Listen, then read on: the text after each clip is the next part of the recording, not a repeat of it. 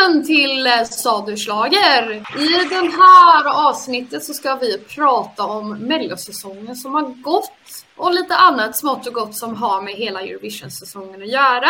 Så jag tänker att jag slänger fram till Steven. Vad är dina känslor om själva säsongen för Mello? Oh, alltså det, det började lite halvsvagt. Men det blev bättre och bättre. Jag känner att finalen var nog det bästa programmet som vi har haft under de här veckorna. Alla låtar som skulle varit i final, de var där. Och jag saknade väl två låtar eller så i final, men jag kan, jag kan vara utan dem. Det blev bara bättre och bättre och jag är jättenöjd. Låtarna var bra och vinnarlåten är utan tvekan en av de bästa i år.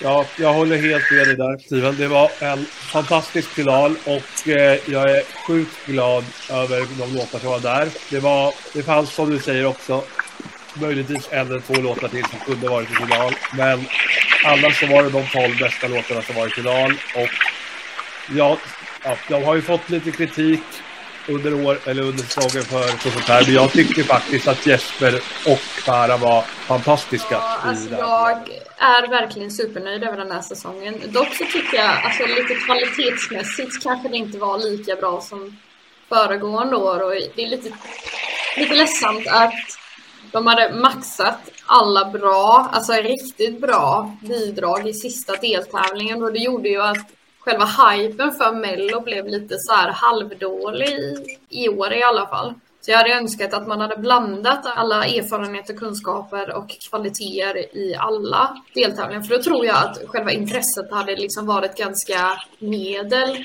rätt igenom hela säsongen. Att enbart ha satsat på Loreen var väl kanske en liten flopp, men ändå inte. För jag tror det kommer betala sig för oss i maj. Ja, vi ligger jättehögt i oddsen när man kollar. Nu, nu, kan man ju inte basera oddsen helt på hur det kommer gå i tävlingen, men vi har ju nu hoppat om Ukraina som har legat etta i oddsen hur länge som helst. Och strax under oss har vi Finland också, som jag tror vi pratar lite mer om alldeles strax. Men att vi ligger etta med så pass låga odds redan nu, det bådar ju bara gott för Loreen. Och våra chanser att vinna för en sjunde gång, det är ju skitkul att det går så här bra redan. Och hon har ju toppat en massa listor utöver Europa överlag. Det är, vi har fått jättebra respons på våran låt och det tycker jag det ska vi vara stolta över. Så är det verkligen. Alltså Loreen är, det kändes ju verkligen som att det var upplagt för Loreen i år. Både på gott och ont. Det blev ju, det kanske som du säger att det blir lite svalare intresse överlag. Men det är ju ändå så här, ger det oss en sjunde Eurovision-vinst i slutet så då har det ändå varit rätt väg att gå för i år i alla fall. Eftersom att det är väl ändå det som den här tävlingen i sig går ut på. Även om vi som är fans älskar allt som är runt omkring och alla bidrag och alla tävlingar nationellt och allt sånt. Så är det ju ändå till för att man ska ta fram en låt som är populär i, ja, i alla läger om man så säger. Så att det jag är ändå otroligt glad över att Loreen kom med det hon gjorde. För att hon har ju sagt det själv att hon tvekade väldigt länge över att hon, om hon skulle vara med eller inte. De hade ju skrivit låten. Var, de ville ju göra den i Mello och de ville att Loreen skulle göra den i Mello. Men de ville ju mer då att Loreen skulle ha den än att den skulle vara med i Mello. Det är ju så här, det kom, det hade, den hade ju inte kommit någon vart utan Loreen om man säger så. Det är hon som gör hela paketet med scenshowen, med sin, ja, men, sin output som artist. Så att det är ju, ja, men, att, eh, det, att framgången som vi har just nu, det är ju verkligen symbiosen Loreen och låten skulle jag säga. Det är inte enkom Jo, men jag håller med absolut. Loreen är en extremt stor ikon i Melodifestivalen. Dock så har det blivit ganska mycket kritik att man har fokuserat ganska mycket på den sista deltävlingen och absolut fattar jag ju varför. Man vill liksom hypa upp inför semifinal och finalen. Men många hade önskat att det har varit lika mycket fokus på de andra deltävlingarna så att man håller intresset högt hela tiden. Om man inte gör det, då börjar många tvivla. Sen har ju Mello alltid haft ett antal av tittare oavsett år. Ja, men precis. Så är det ju verkligen. Och även om Melodifestivalen togs fram som ett sätt att få fram Sveriges bidrag i Eurovision så har ju faktiskt Melodifestivalen blivit någonting större än det. Så att det eh, är ju faktiskt ett program som står för sig själv nu i, ja, inom svensk tv och nöjeskultur. Så att det är ju, Melodifestivalen kräver ju inte Eurovision på det sättet längre som det var tanken från början. Tv-tittarna är ett bevis på att det alltid ligger ja, men runt 3 miljoner tv-tittare. Så att vi är ju ett av Sveriges mest tittade på, eller sedda program varje år. Så att...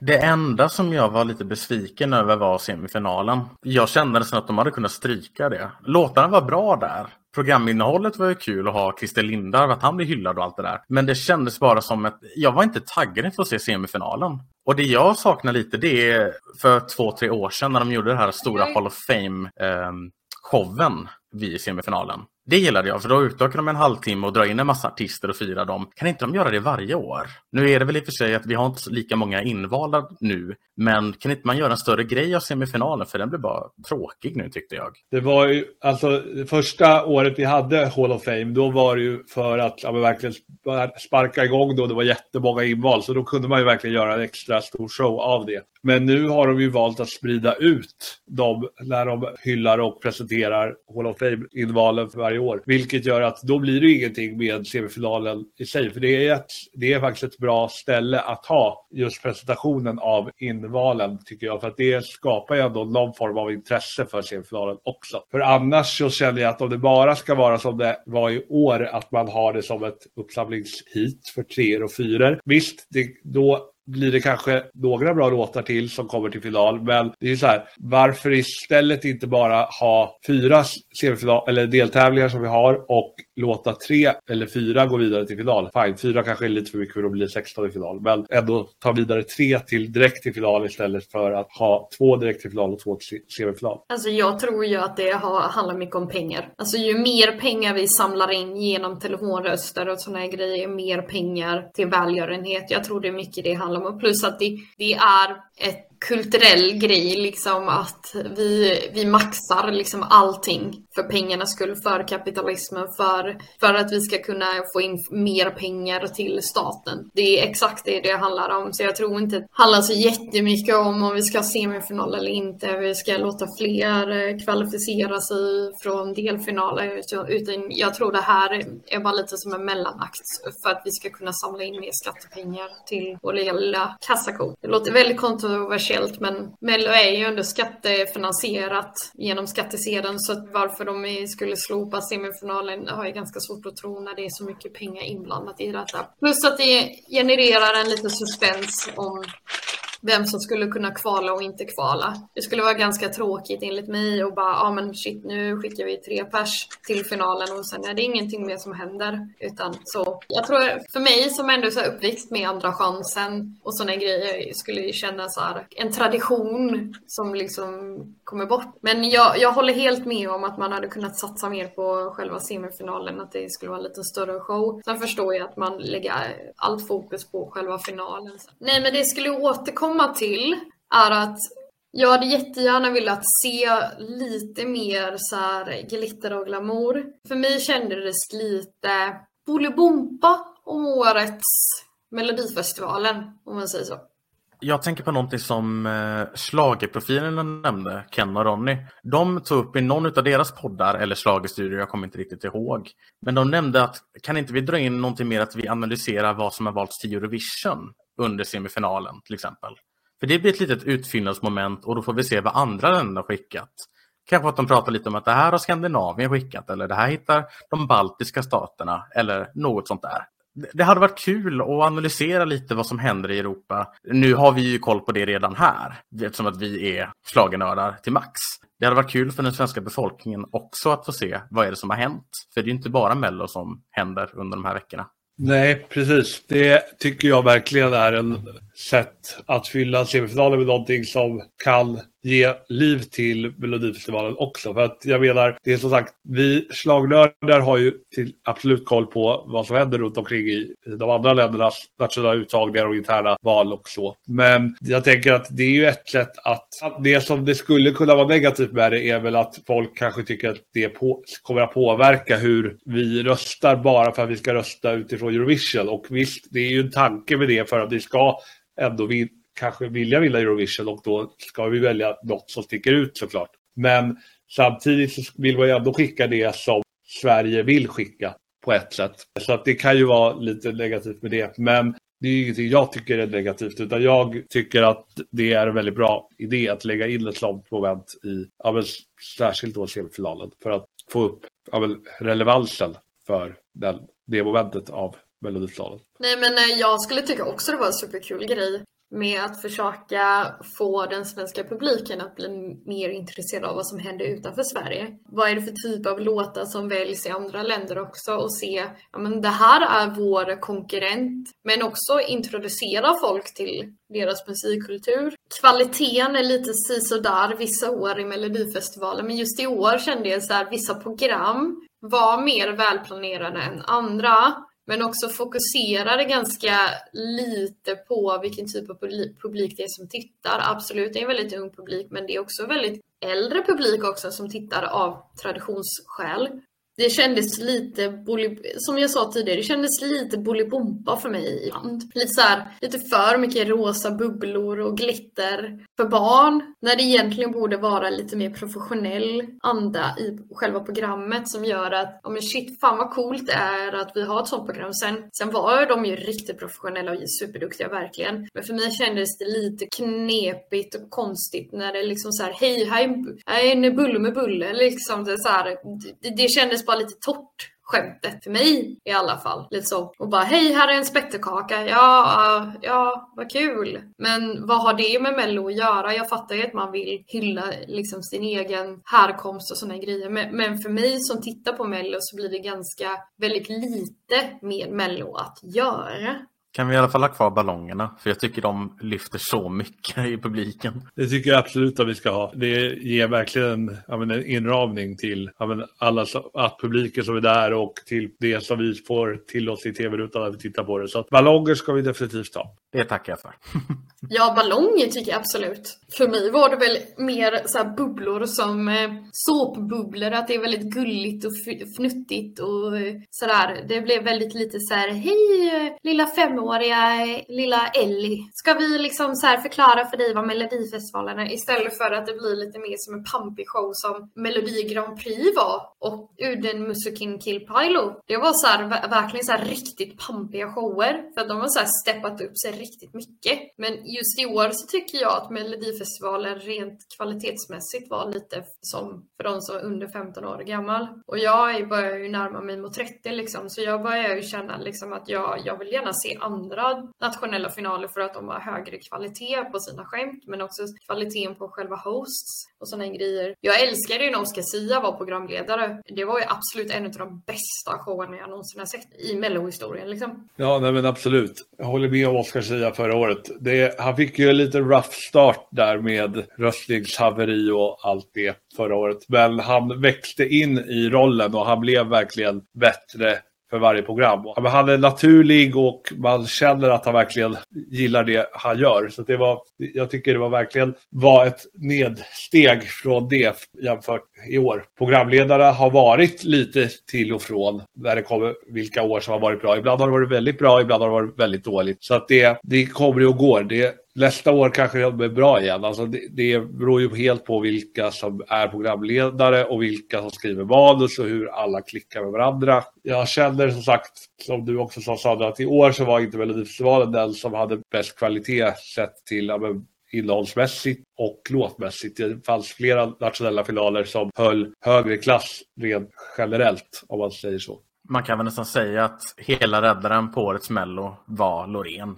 För hade vi inte haft henne, då vet jag inte vad jag hade hejat på i finalen. Marcus och Martinus var jättebra, men jag tyckte låten var mellanmjölk rätt igenom. Det var scenframträdandet som var bra. Och skulle jag heja på det istället för Loreen? Eller vad skulle jag heja på? Jag vet inte. En del av mig hejade på Paul Ray i finalen, men han fick ju ett poäng av folket, vilket jag inte fattar fortfarande idag, för scenframträdandet var skitsnyggt. Ja, jag pratar om det hela kvällen. Jag fattar inte att han bara fick ett poäng. Det, det var typ det största jag kommer ihåg i alla fall, från den kvällen. Jag kan eh, säga varför han fick ett poäng av svenska folket. Det är mellanmjölkspop. Och det är ingenting som lockar svenska folket överhuvudtaget. Och sen så fanns det mer färgstarka personligheter i finalen än Paul Ray. Och sen tror jag att Paul Ray rent mellomässigt har spelat ut sin roll nu. Så jag tror folk har börjat känna så här, varför ska vi rösta på honom när han producera exakt samma musik som man har gjort tidigare.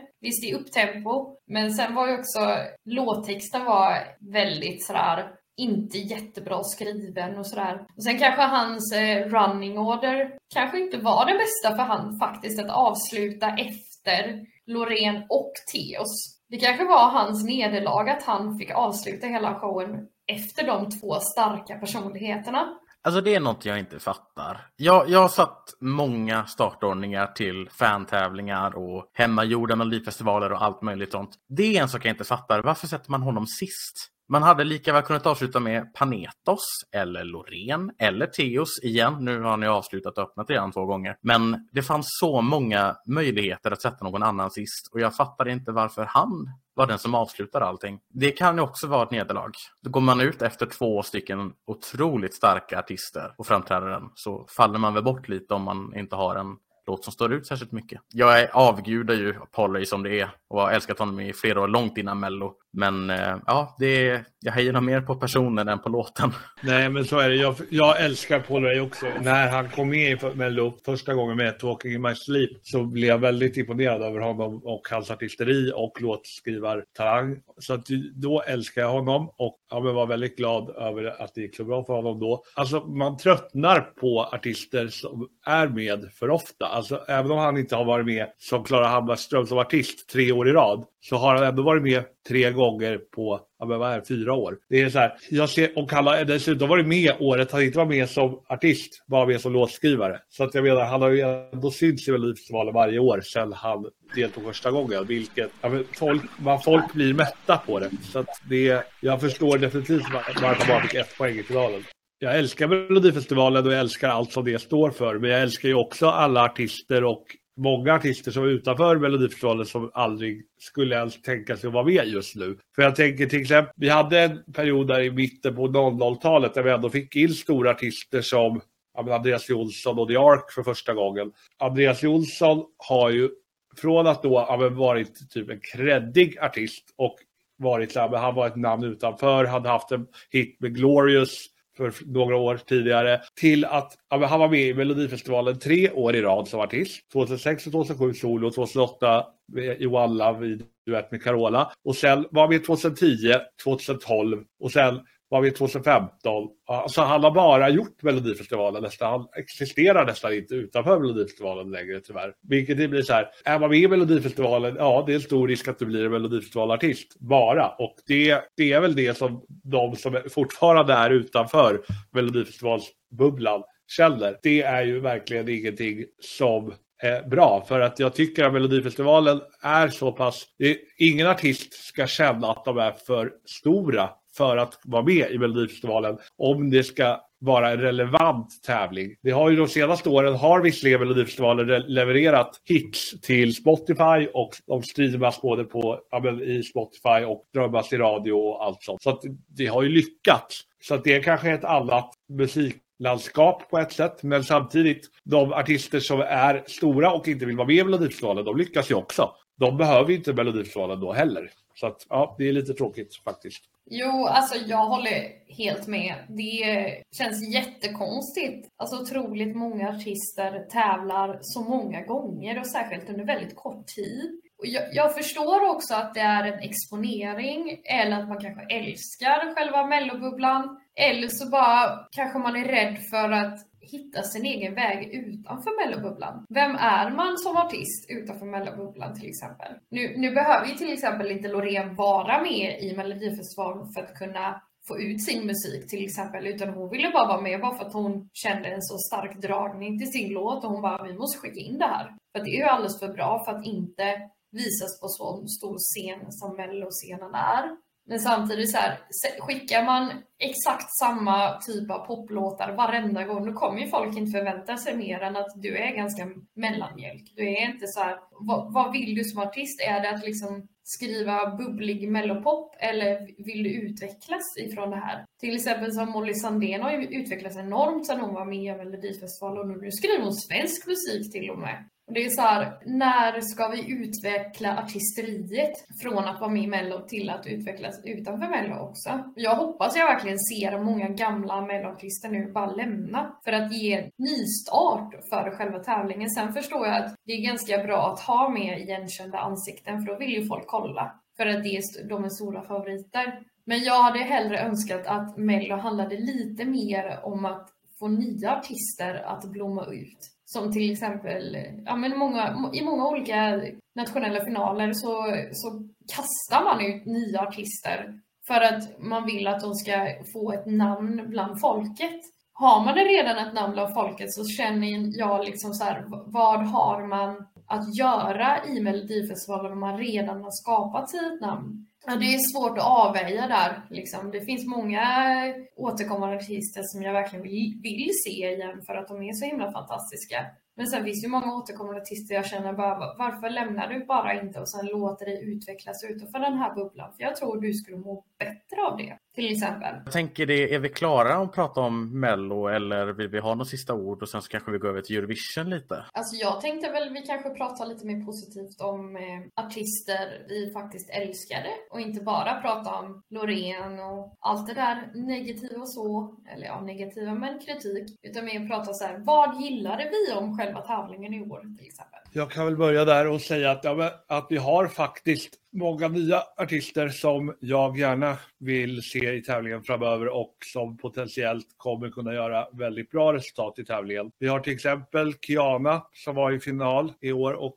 slutade inte jättebra men inte jättedåligt heller. Och hon hade ändå en positiv låt, en bra poplåt och hon ska sägas är ju faktiskt så pass ung som man får vara i Melodifestivalen. För hon fyllde ju faktiskt 16 den, kvällen hon tävlade i sin deltävling. Så hon kommer ju ha en väldigt ljus framtid inom både musikkarriären i stort men också kan gå så långt som att hon vinner Melodifestivalen en dag om hon får samarbeta med rätt personer. Och om det är det hon vill, ska sägas. Det är inte säkert att det är den vägen hon vill gå och det har hon helt rätt i att göra i så fall. Jag tror att Kiana kommer bli jättestor i framtiden. Jag hade inte varit förvånad alls om hon kommer tillbaka nästa år redan. Men då ska hon ha en bättre låt tycker jag. Jag gillar hennes låt. Jag tyckte den var bra, catchy, snyggt scenframträdande. Texten var väl inte den mest kreativa om man säger så. Lite tjatig. Men jag tror absolut att hon har en jättestor karriär framför sig. Och hon är bara 16. Och hon kan ju bli jättestor. Jag hoppas bara hon satsar på radiohits nu. Att hon blir stor på det sättet.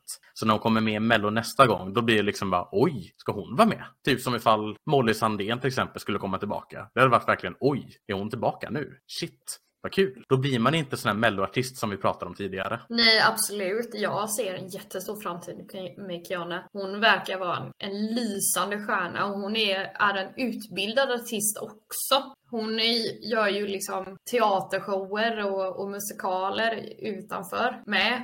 Så hon gör ju det här professionellt och hon vill ju jobba med detta, med musik och dans. Så jag ser en extremt stor framtid med henne. Men någon annan som jag var extremt glad över att se i Melodifestivalen var Emil Henbron. Och jag vet att många hade ganska delade åsikter om honom. Men jag blev extremt överraskad för när jag såg han i Malmö live så var han så e- otroligt energifylld och man såg verkligen så här, han älskade det här så mycket. Så jag var väldigt glad att han han tävlade med en så här äkta slagelåt som jag saknar lite i tävlingen. Absolut så ska tävlingen vara professionellt gjord och musiken ska ju liksom visa kulturen vi har idag. Men slager är någonting som jag verkligen inte vill att vi ska glömma bort. Det var ju det som startade hela ballongen. Liksom att med glitter och glamour och vi ska inte glömma det tycker jag. Och det älskar jag att han verkligen så drog ur det ur oss och fick oss liksom så här, även om man inte gick vidare så var det så här, han blev en stor ikon ändå. För att han har så stor plattform. Jag är så extremt tacksam att de tog med honom i år, för jag tror vi faktiskt behövde han. Så här, glitter och glamour och bara glädje och bara positivitet. Ja, Signe och Hjördis jag är så kär i Edelweiss. Alltså det är, den, den står stadigt i min topp 10. Till och med i topp 5 för jag älskar den låten så otroligt mycket. Det, är så här, det påminner mig verkligen lite som Sarek eller Timotej lite men det är lite mer ungt och så. Men jag älskade det. Det var så otroligt fint att se den. Det var väldigt otroligt fint att se hur de uppförde denna typ av låt på scenen. Det var så otroligt vackert att se det live men även också se det efteråt. Och jag tror de två kommer ha otroligt lång karriär efter sig. De är väldigt unga fortfarande men jag ser en otroligt ljus framtid för dem. Väldigt vackra röster. Några andra som jag verkligen gillade Mello i år om man kollar på artisterna. Melanie Webbe växte enormt för mig. Hon hade sån karisma när hon var på scenen. Det, hon kände så inbjudande. Hon var så glad att vara där. Och jag är så glad när det blir att låtskrivare från tidigare mellobidrag och andra olika hits de har haft. De får ta ett steg fram och vara i spotlighten och ändå få en succé att man går till semifinalen i alla fall. Jag gillar verkligen henne och jag hoppas att, eller ja, jag hoppas inte, jag tror att vi får se henne mer som låtskrivare i framtiden. Men jag hoppas också att hon får några radiohits. Jag har hört hennes låt från Mello ett par gånger på radion också, så det verkar ju som att svenska folket gillar henne. Men utöver det så är jag också väldigt, väldigt glad att vi äntligen fick Smash Into Pieces i Mello. För herregud vad jag har längtat efter att se dem här. Och de, det var ju dundersuccé. Trea i finalen och de är debutanter.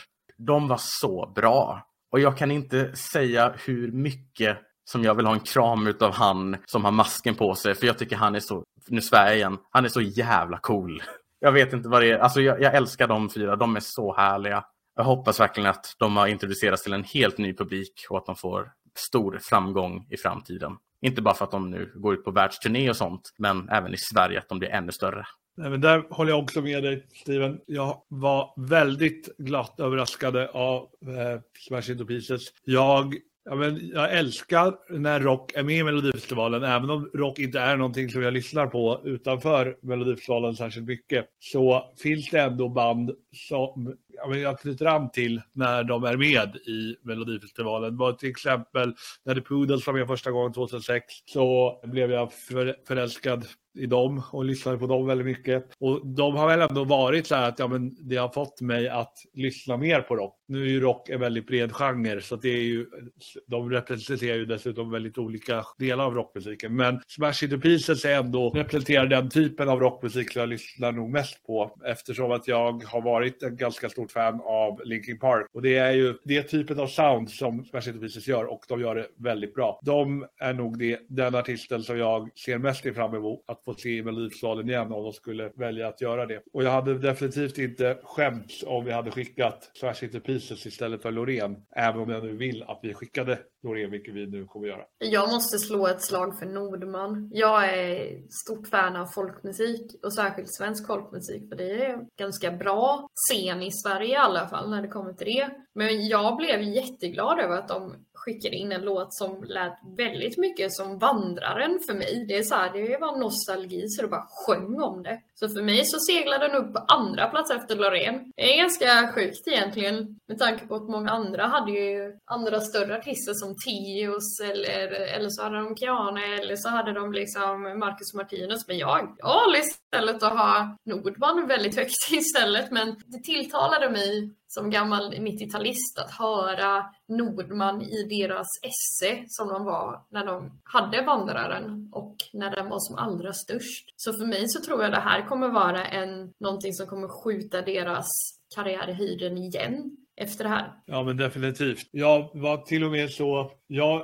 var ju så här, jag valde att rösta bara på Loreen när vi hade första röstningsomgången i alla fall i finalen för att jag ville verkligen vara säker på att det var hon som skulle vinna. Men när vi hade fått internationella juryrösterna och Nordvall låg sist då kände jag att ja, men jag kan inte inte ge det här någon röst för att jag tycker det är så pass bra ändå. Så att jag, och de, de, hade, de kommer inte vara ett hot mot Loreen i slutsegern ändå nu. Så att då kände jag att då fick jag slänga iväg en röst på dem också. Så att det var, i finalen så röstade jag på Loreen, 10 hjärtröster och sen Nordman då en hjärt röst i alla fall. Och det var enbart för att jag tycker att det är en bra låt. Det var, den är i min topp sju för i år av alla låtar. Sjätte plats av alla som var i finalen. Så att det, och jag älskar på samma sätt som du Sandra så älskar jag ja, den svenska etnopoppen och folkmusiken som de ändå står för. Och det jag tycker ändå det hade varit coolt att skicka något sånt till Eurovision. Nu funkar ju obviously inte det för att de kom sist i internationella juryn så att det hade inte funkat i Eurovision då av den anledningen tyvärr. Men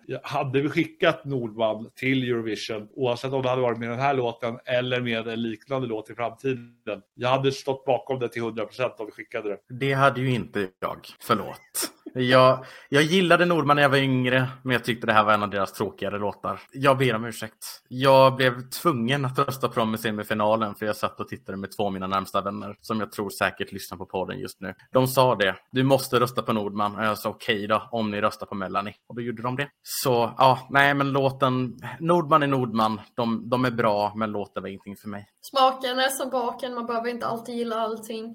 Och det är det som är så kul också med vår grupp för att vi alla tycker olika. Jag tror att Hanna är en av de få som inte har Loreen som etta utav oss här. Jag är osäker om hon är den enda, jag, jag kanske har helt fel, men jag tror hon är Nordman som vinnare om inte jag minns fel. Men det är, ja, vi tycker alla olika och det är det, som, det är det som gör det roligt. Ja, jag var den enda som hade Emil Henron i topp sju av vad vi hade och det är ganska imponerande. Plus att jag hade Nordman extremt högt också. Men som sagt, allting beror ju på vilke, vilken typ av kultur man är uppväxt i och vilken typ av musik man blir introducerad till när man växer upp. Så jag tror det spelar jättestor roll. Men det var ju ingen låt som jag verkligen så här ogillade, ogillade så. Utan det handlade ju mer om att vilken musik jag drogs till av värde för tävlingen var det väl mer det handlar om. För vissa utav dessa låtar kommer jag lyssna på om och om och om och om, och om igen tills min hjärna bara smälter ihop och jag bara, nu måste jag lyssna på någon annan musik typ.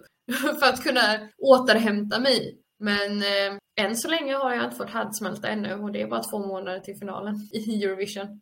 Under säsongen som börjar första september varje år så är det ju olika typer av nationella finaler men också även eh, interna val. Och just nu, från hela säsongen, är min absoluta favorit Hoidamut från Udden Musikin Kilpailu. Och min absoluta vinnare är My Sisters Crown med Vesna från den tjeckiska uttagningen. Chockerande att inte jag har Loreen som min etta utav alla Eurovision-låtar. Men jag älskar ju kulturell musik och, och att det är politiskt och feministiskt. För mig betyder det extremt mycket, särskilt i en tid så som vi lever nu. Att ha låtar i Eurovision som vågar kritisera och vågar visa lite identitet.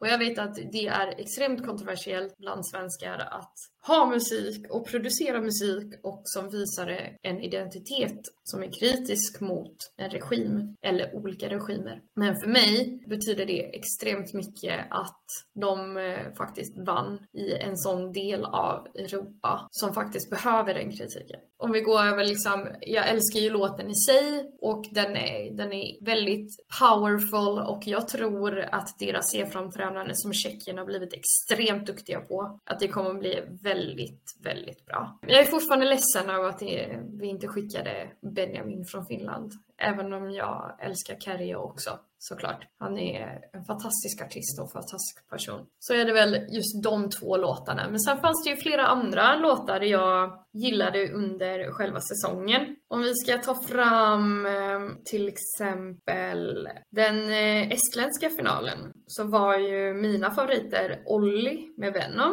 Jag hade älskat om Estland faktiskt bara kastade bort sin egen trygghet och skickade någon så här rocklåt. Sen hade ju vi Portugal. Min favorit var ju Barba Tinoco. Men de valde ju Mimicat. Vilket jag inte är missnöjd med överhuvudtaget. För det är en sån otroligt stark final. I den portugisiska uttagningen som är Festival da Cancao. Och sen så hade vi ju Blanca Paloma. Jag är ett extremt stort fan utav riktigt så inhemsk musik som verkligen så visar kultur och så. Jag tycker att Spanien har träffat helt rätt i år. Annars är det väl, ja, Pam Rabbit från samma uttagning som Vesna. Jag är totalt kär i hennes musik. Annars är det väl inga andra jag känner har, som har stått ut för mig ganska mycket. Ja, förutom, jag måste verkligen nämna Madame från eh, Sanremo. Min absoluta, absoluta favorit från hela säsongen. Det är så här, det är min topp, topp, topp, topp, topp om man nu verkligen ska välja någon som är out of their own League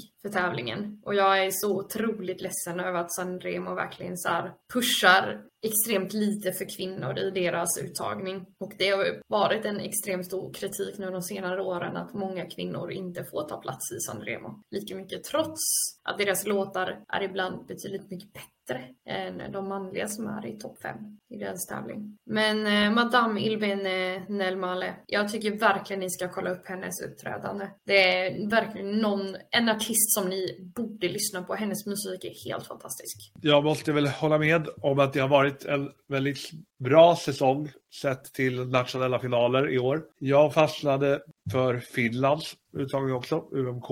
Och där fanns det ett knippe med guldkorn om man säger så. Det är inte bara Kärje som vann och Hoidabuk med Benjamin som du nämnde Sandra. Utan jag tycker faktiskt att där är min favorit Portion Boys Sama Taivasta Katsusan som kom tvåa i deras tävling. Vilket gjorde mig väldigt glad för jag hade inte räknat med att den skulle komma så högt. Och det är nog också den nationella finalen som överlag hade störst output tycker jag. Det var professionellt ja, producerat i själva sändningen. Det var bäst låtar överlag. Och ja, men, jag tycker också att eh, Samu som var programledare gjorde ett jäkligt bra jobb. Så att det var väldigt kul att se att Finland har börjat ta det på allvar igen. För att det har inte varit fallet de senaste, ja förra året var det väl också ganska bra. Men de senaste fem, tio åren så har det ju inte varit jättebra i UMK och i Finland överlag tyvärr. Men sen så tycker jag Norge som alltid levererar bra också. Och där är det två låtar särskilt som sticker ut extra mycket för mig. Och det är Atle Pettersen med Masterpiece som jag tycker var fantastisk. En artist som faktiskt inte ens gick till final. Och det är deras Kate Guldbrandsen med Tårar i paradis som åkte ut i första deltävlingen. Den var fantastisk tycker jag. Jag hade jättesvårt att välja mina favoriter. Jag har inte lyssnat igenom Moldavien helt och inte San Marino ska jag säga. Men jag har kollat en snabbrepris och det är inte mycket där för mig om jag ska vara ärlig. Men utifrån det så hade jag i alla fall valt ut ett par låtar som jag ville nämna. Och jag kan börja med Belgien. För jag tycker att de hade en väldigt stark uttagning i år. Och där är det The Carnival med Amira som har stått ut som en solklar favorit från mig. Jag tror att det är en av mina favoritlåtar nu i uttagningen. Ja, i alla uttagningar som har varit nu. Jag tror det är en av mina favoriter överlag, över alla uttagningar som har skett. Nu vill inte jag prata om Sverige då, men Tattoo ligger väl etta skulle jag säga. Men den ligger nog tvåa, trea omkring där. Norge hade också en otroligt stark uttagning. Och där hade jag många favoriter. Jag tror jag hade sex låtar rankade på 9 av 10 eller högre, vilket är väldigt ovanligt. Och jag älskar ju Alessandra, men min favorit var Skrellex. Inte Skrillex då som dubstep-artisten, utan Skrellex med låten Love Again. Det är någonting ni måste kolla in för att det här framträdandet lyfte den låt som var mellanmjölk rätt igenom till någonting fantastiskt. Det börjar liksom som Charlotte Perrelli med Hero 2008 i och med att man har fokus på en mikrofon som är glittrig och hon greppar tag i den. Sen händer det inte så mycket. Men den sista minuten så blir det mörkt, man hör henne skratta lite och sen tar dansarna tag i henne och bara snurrar runt henne 360 grader alla Ukraina 2009, Anticrisis Girl. Och det är höga toner och det är tonartshöjning och det är fantastiskt. Älskar!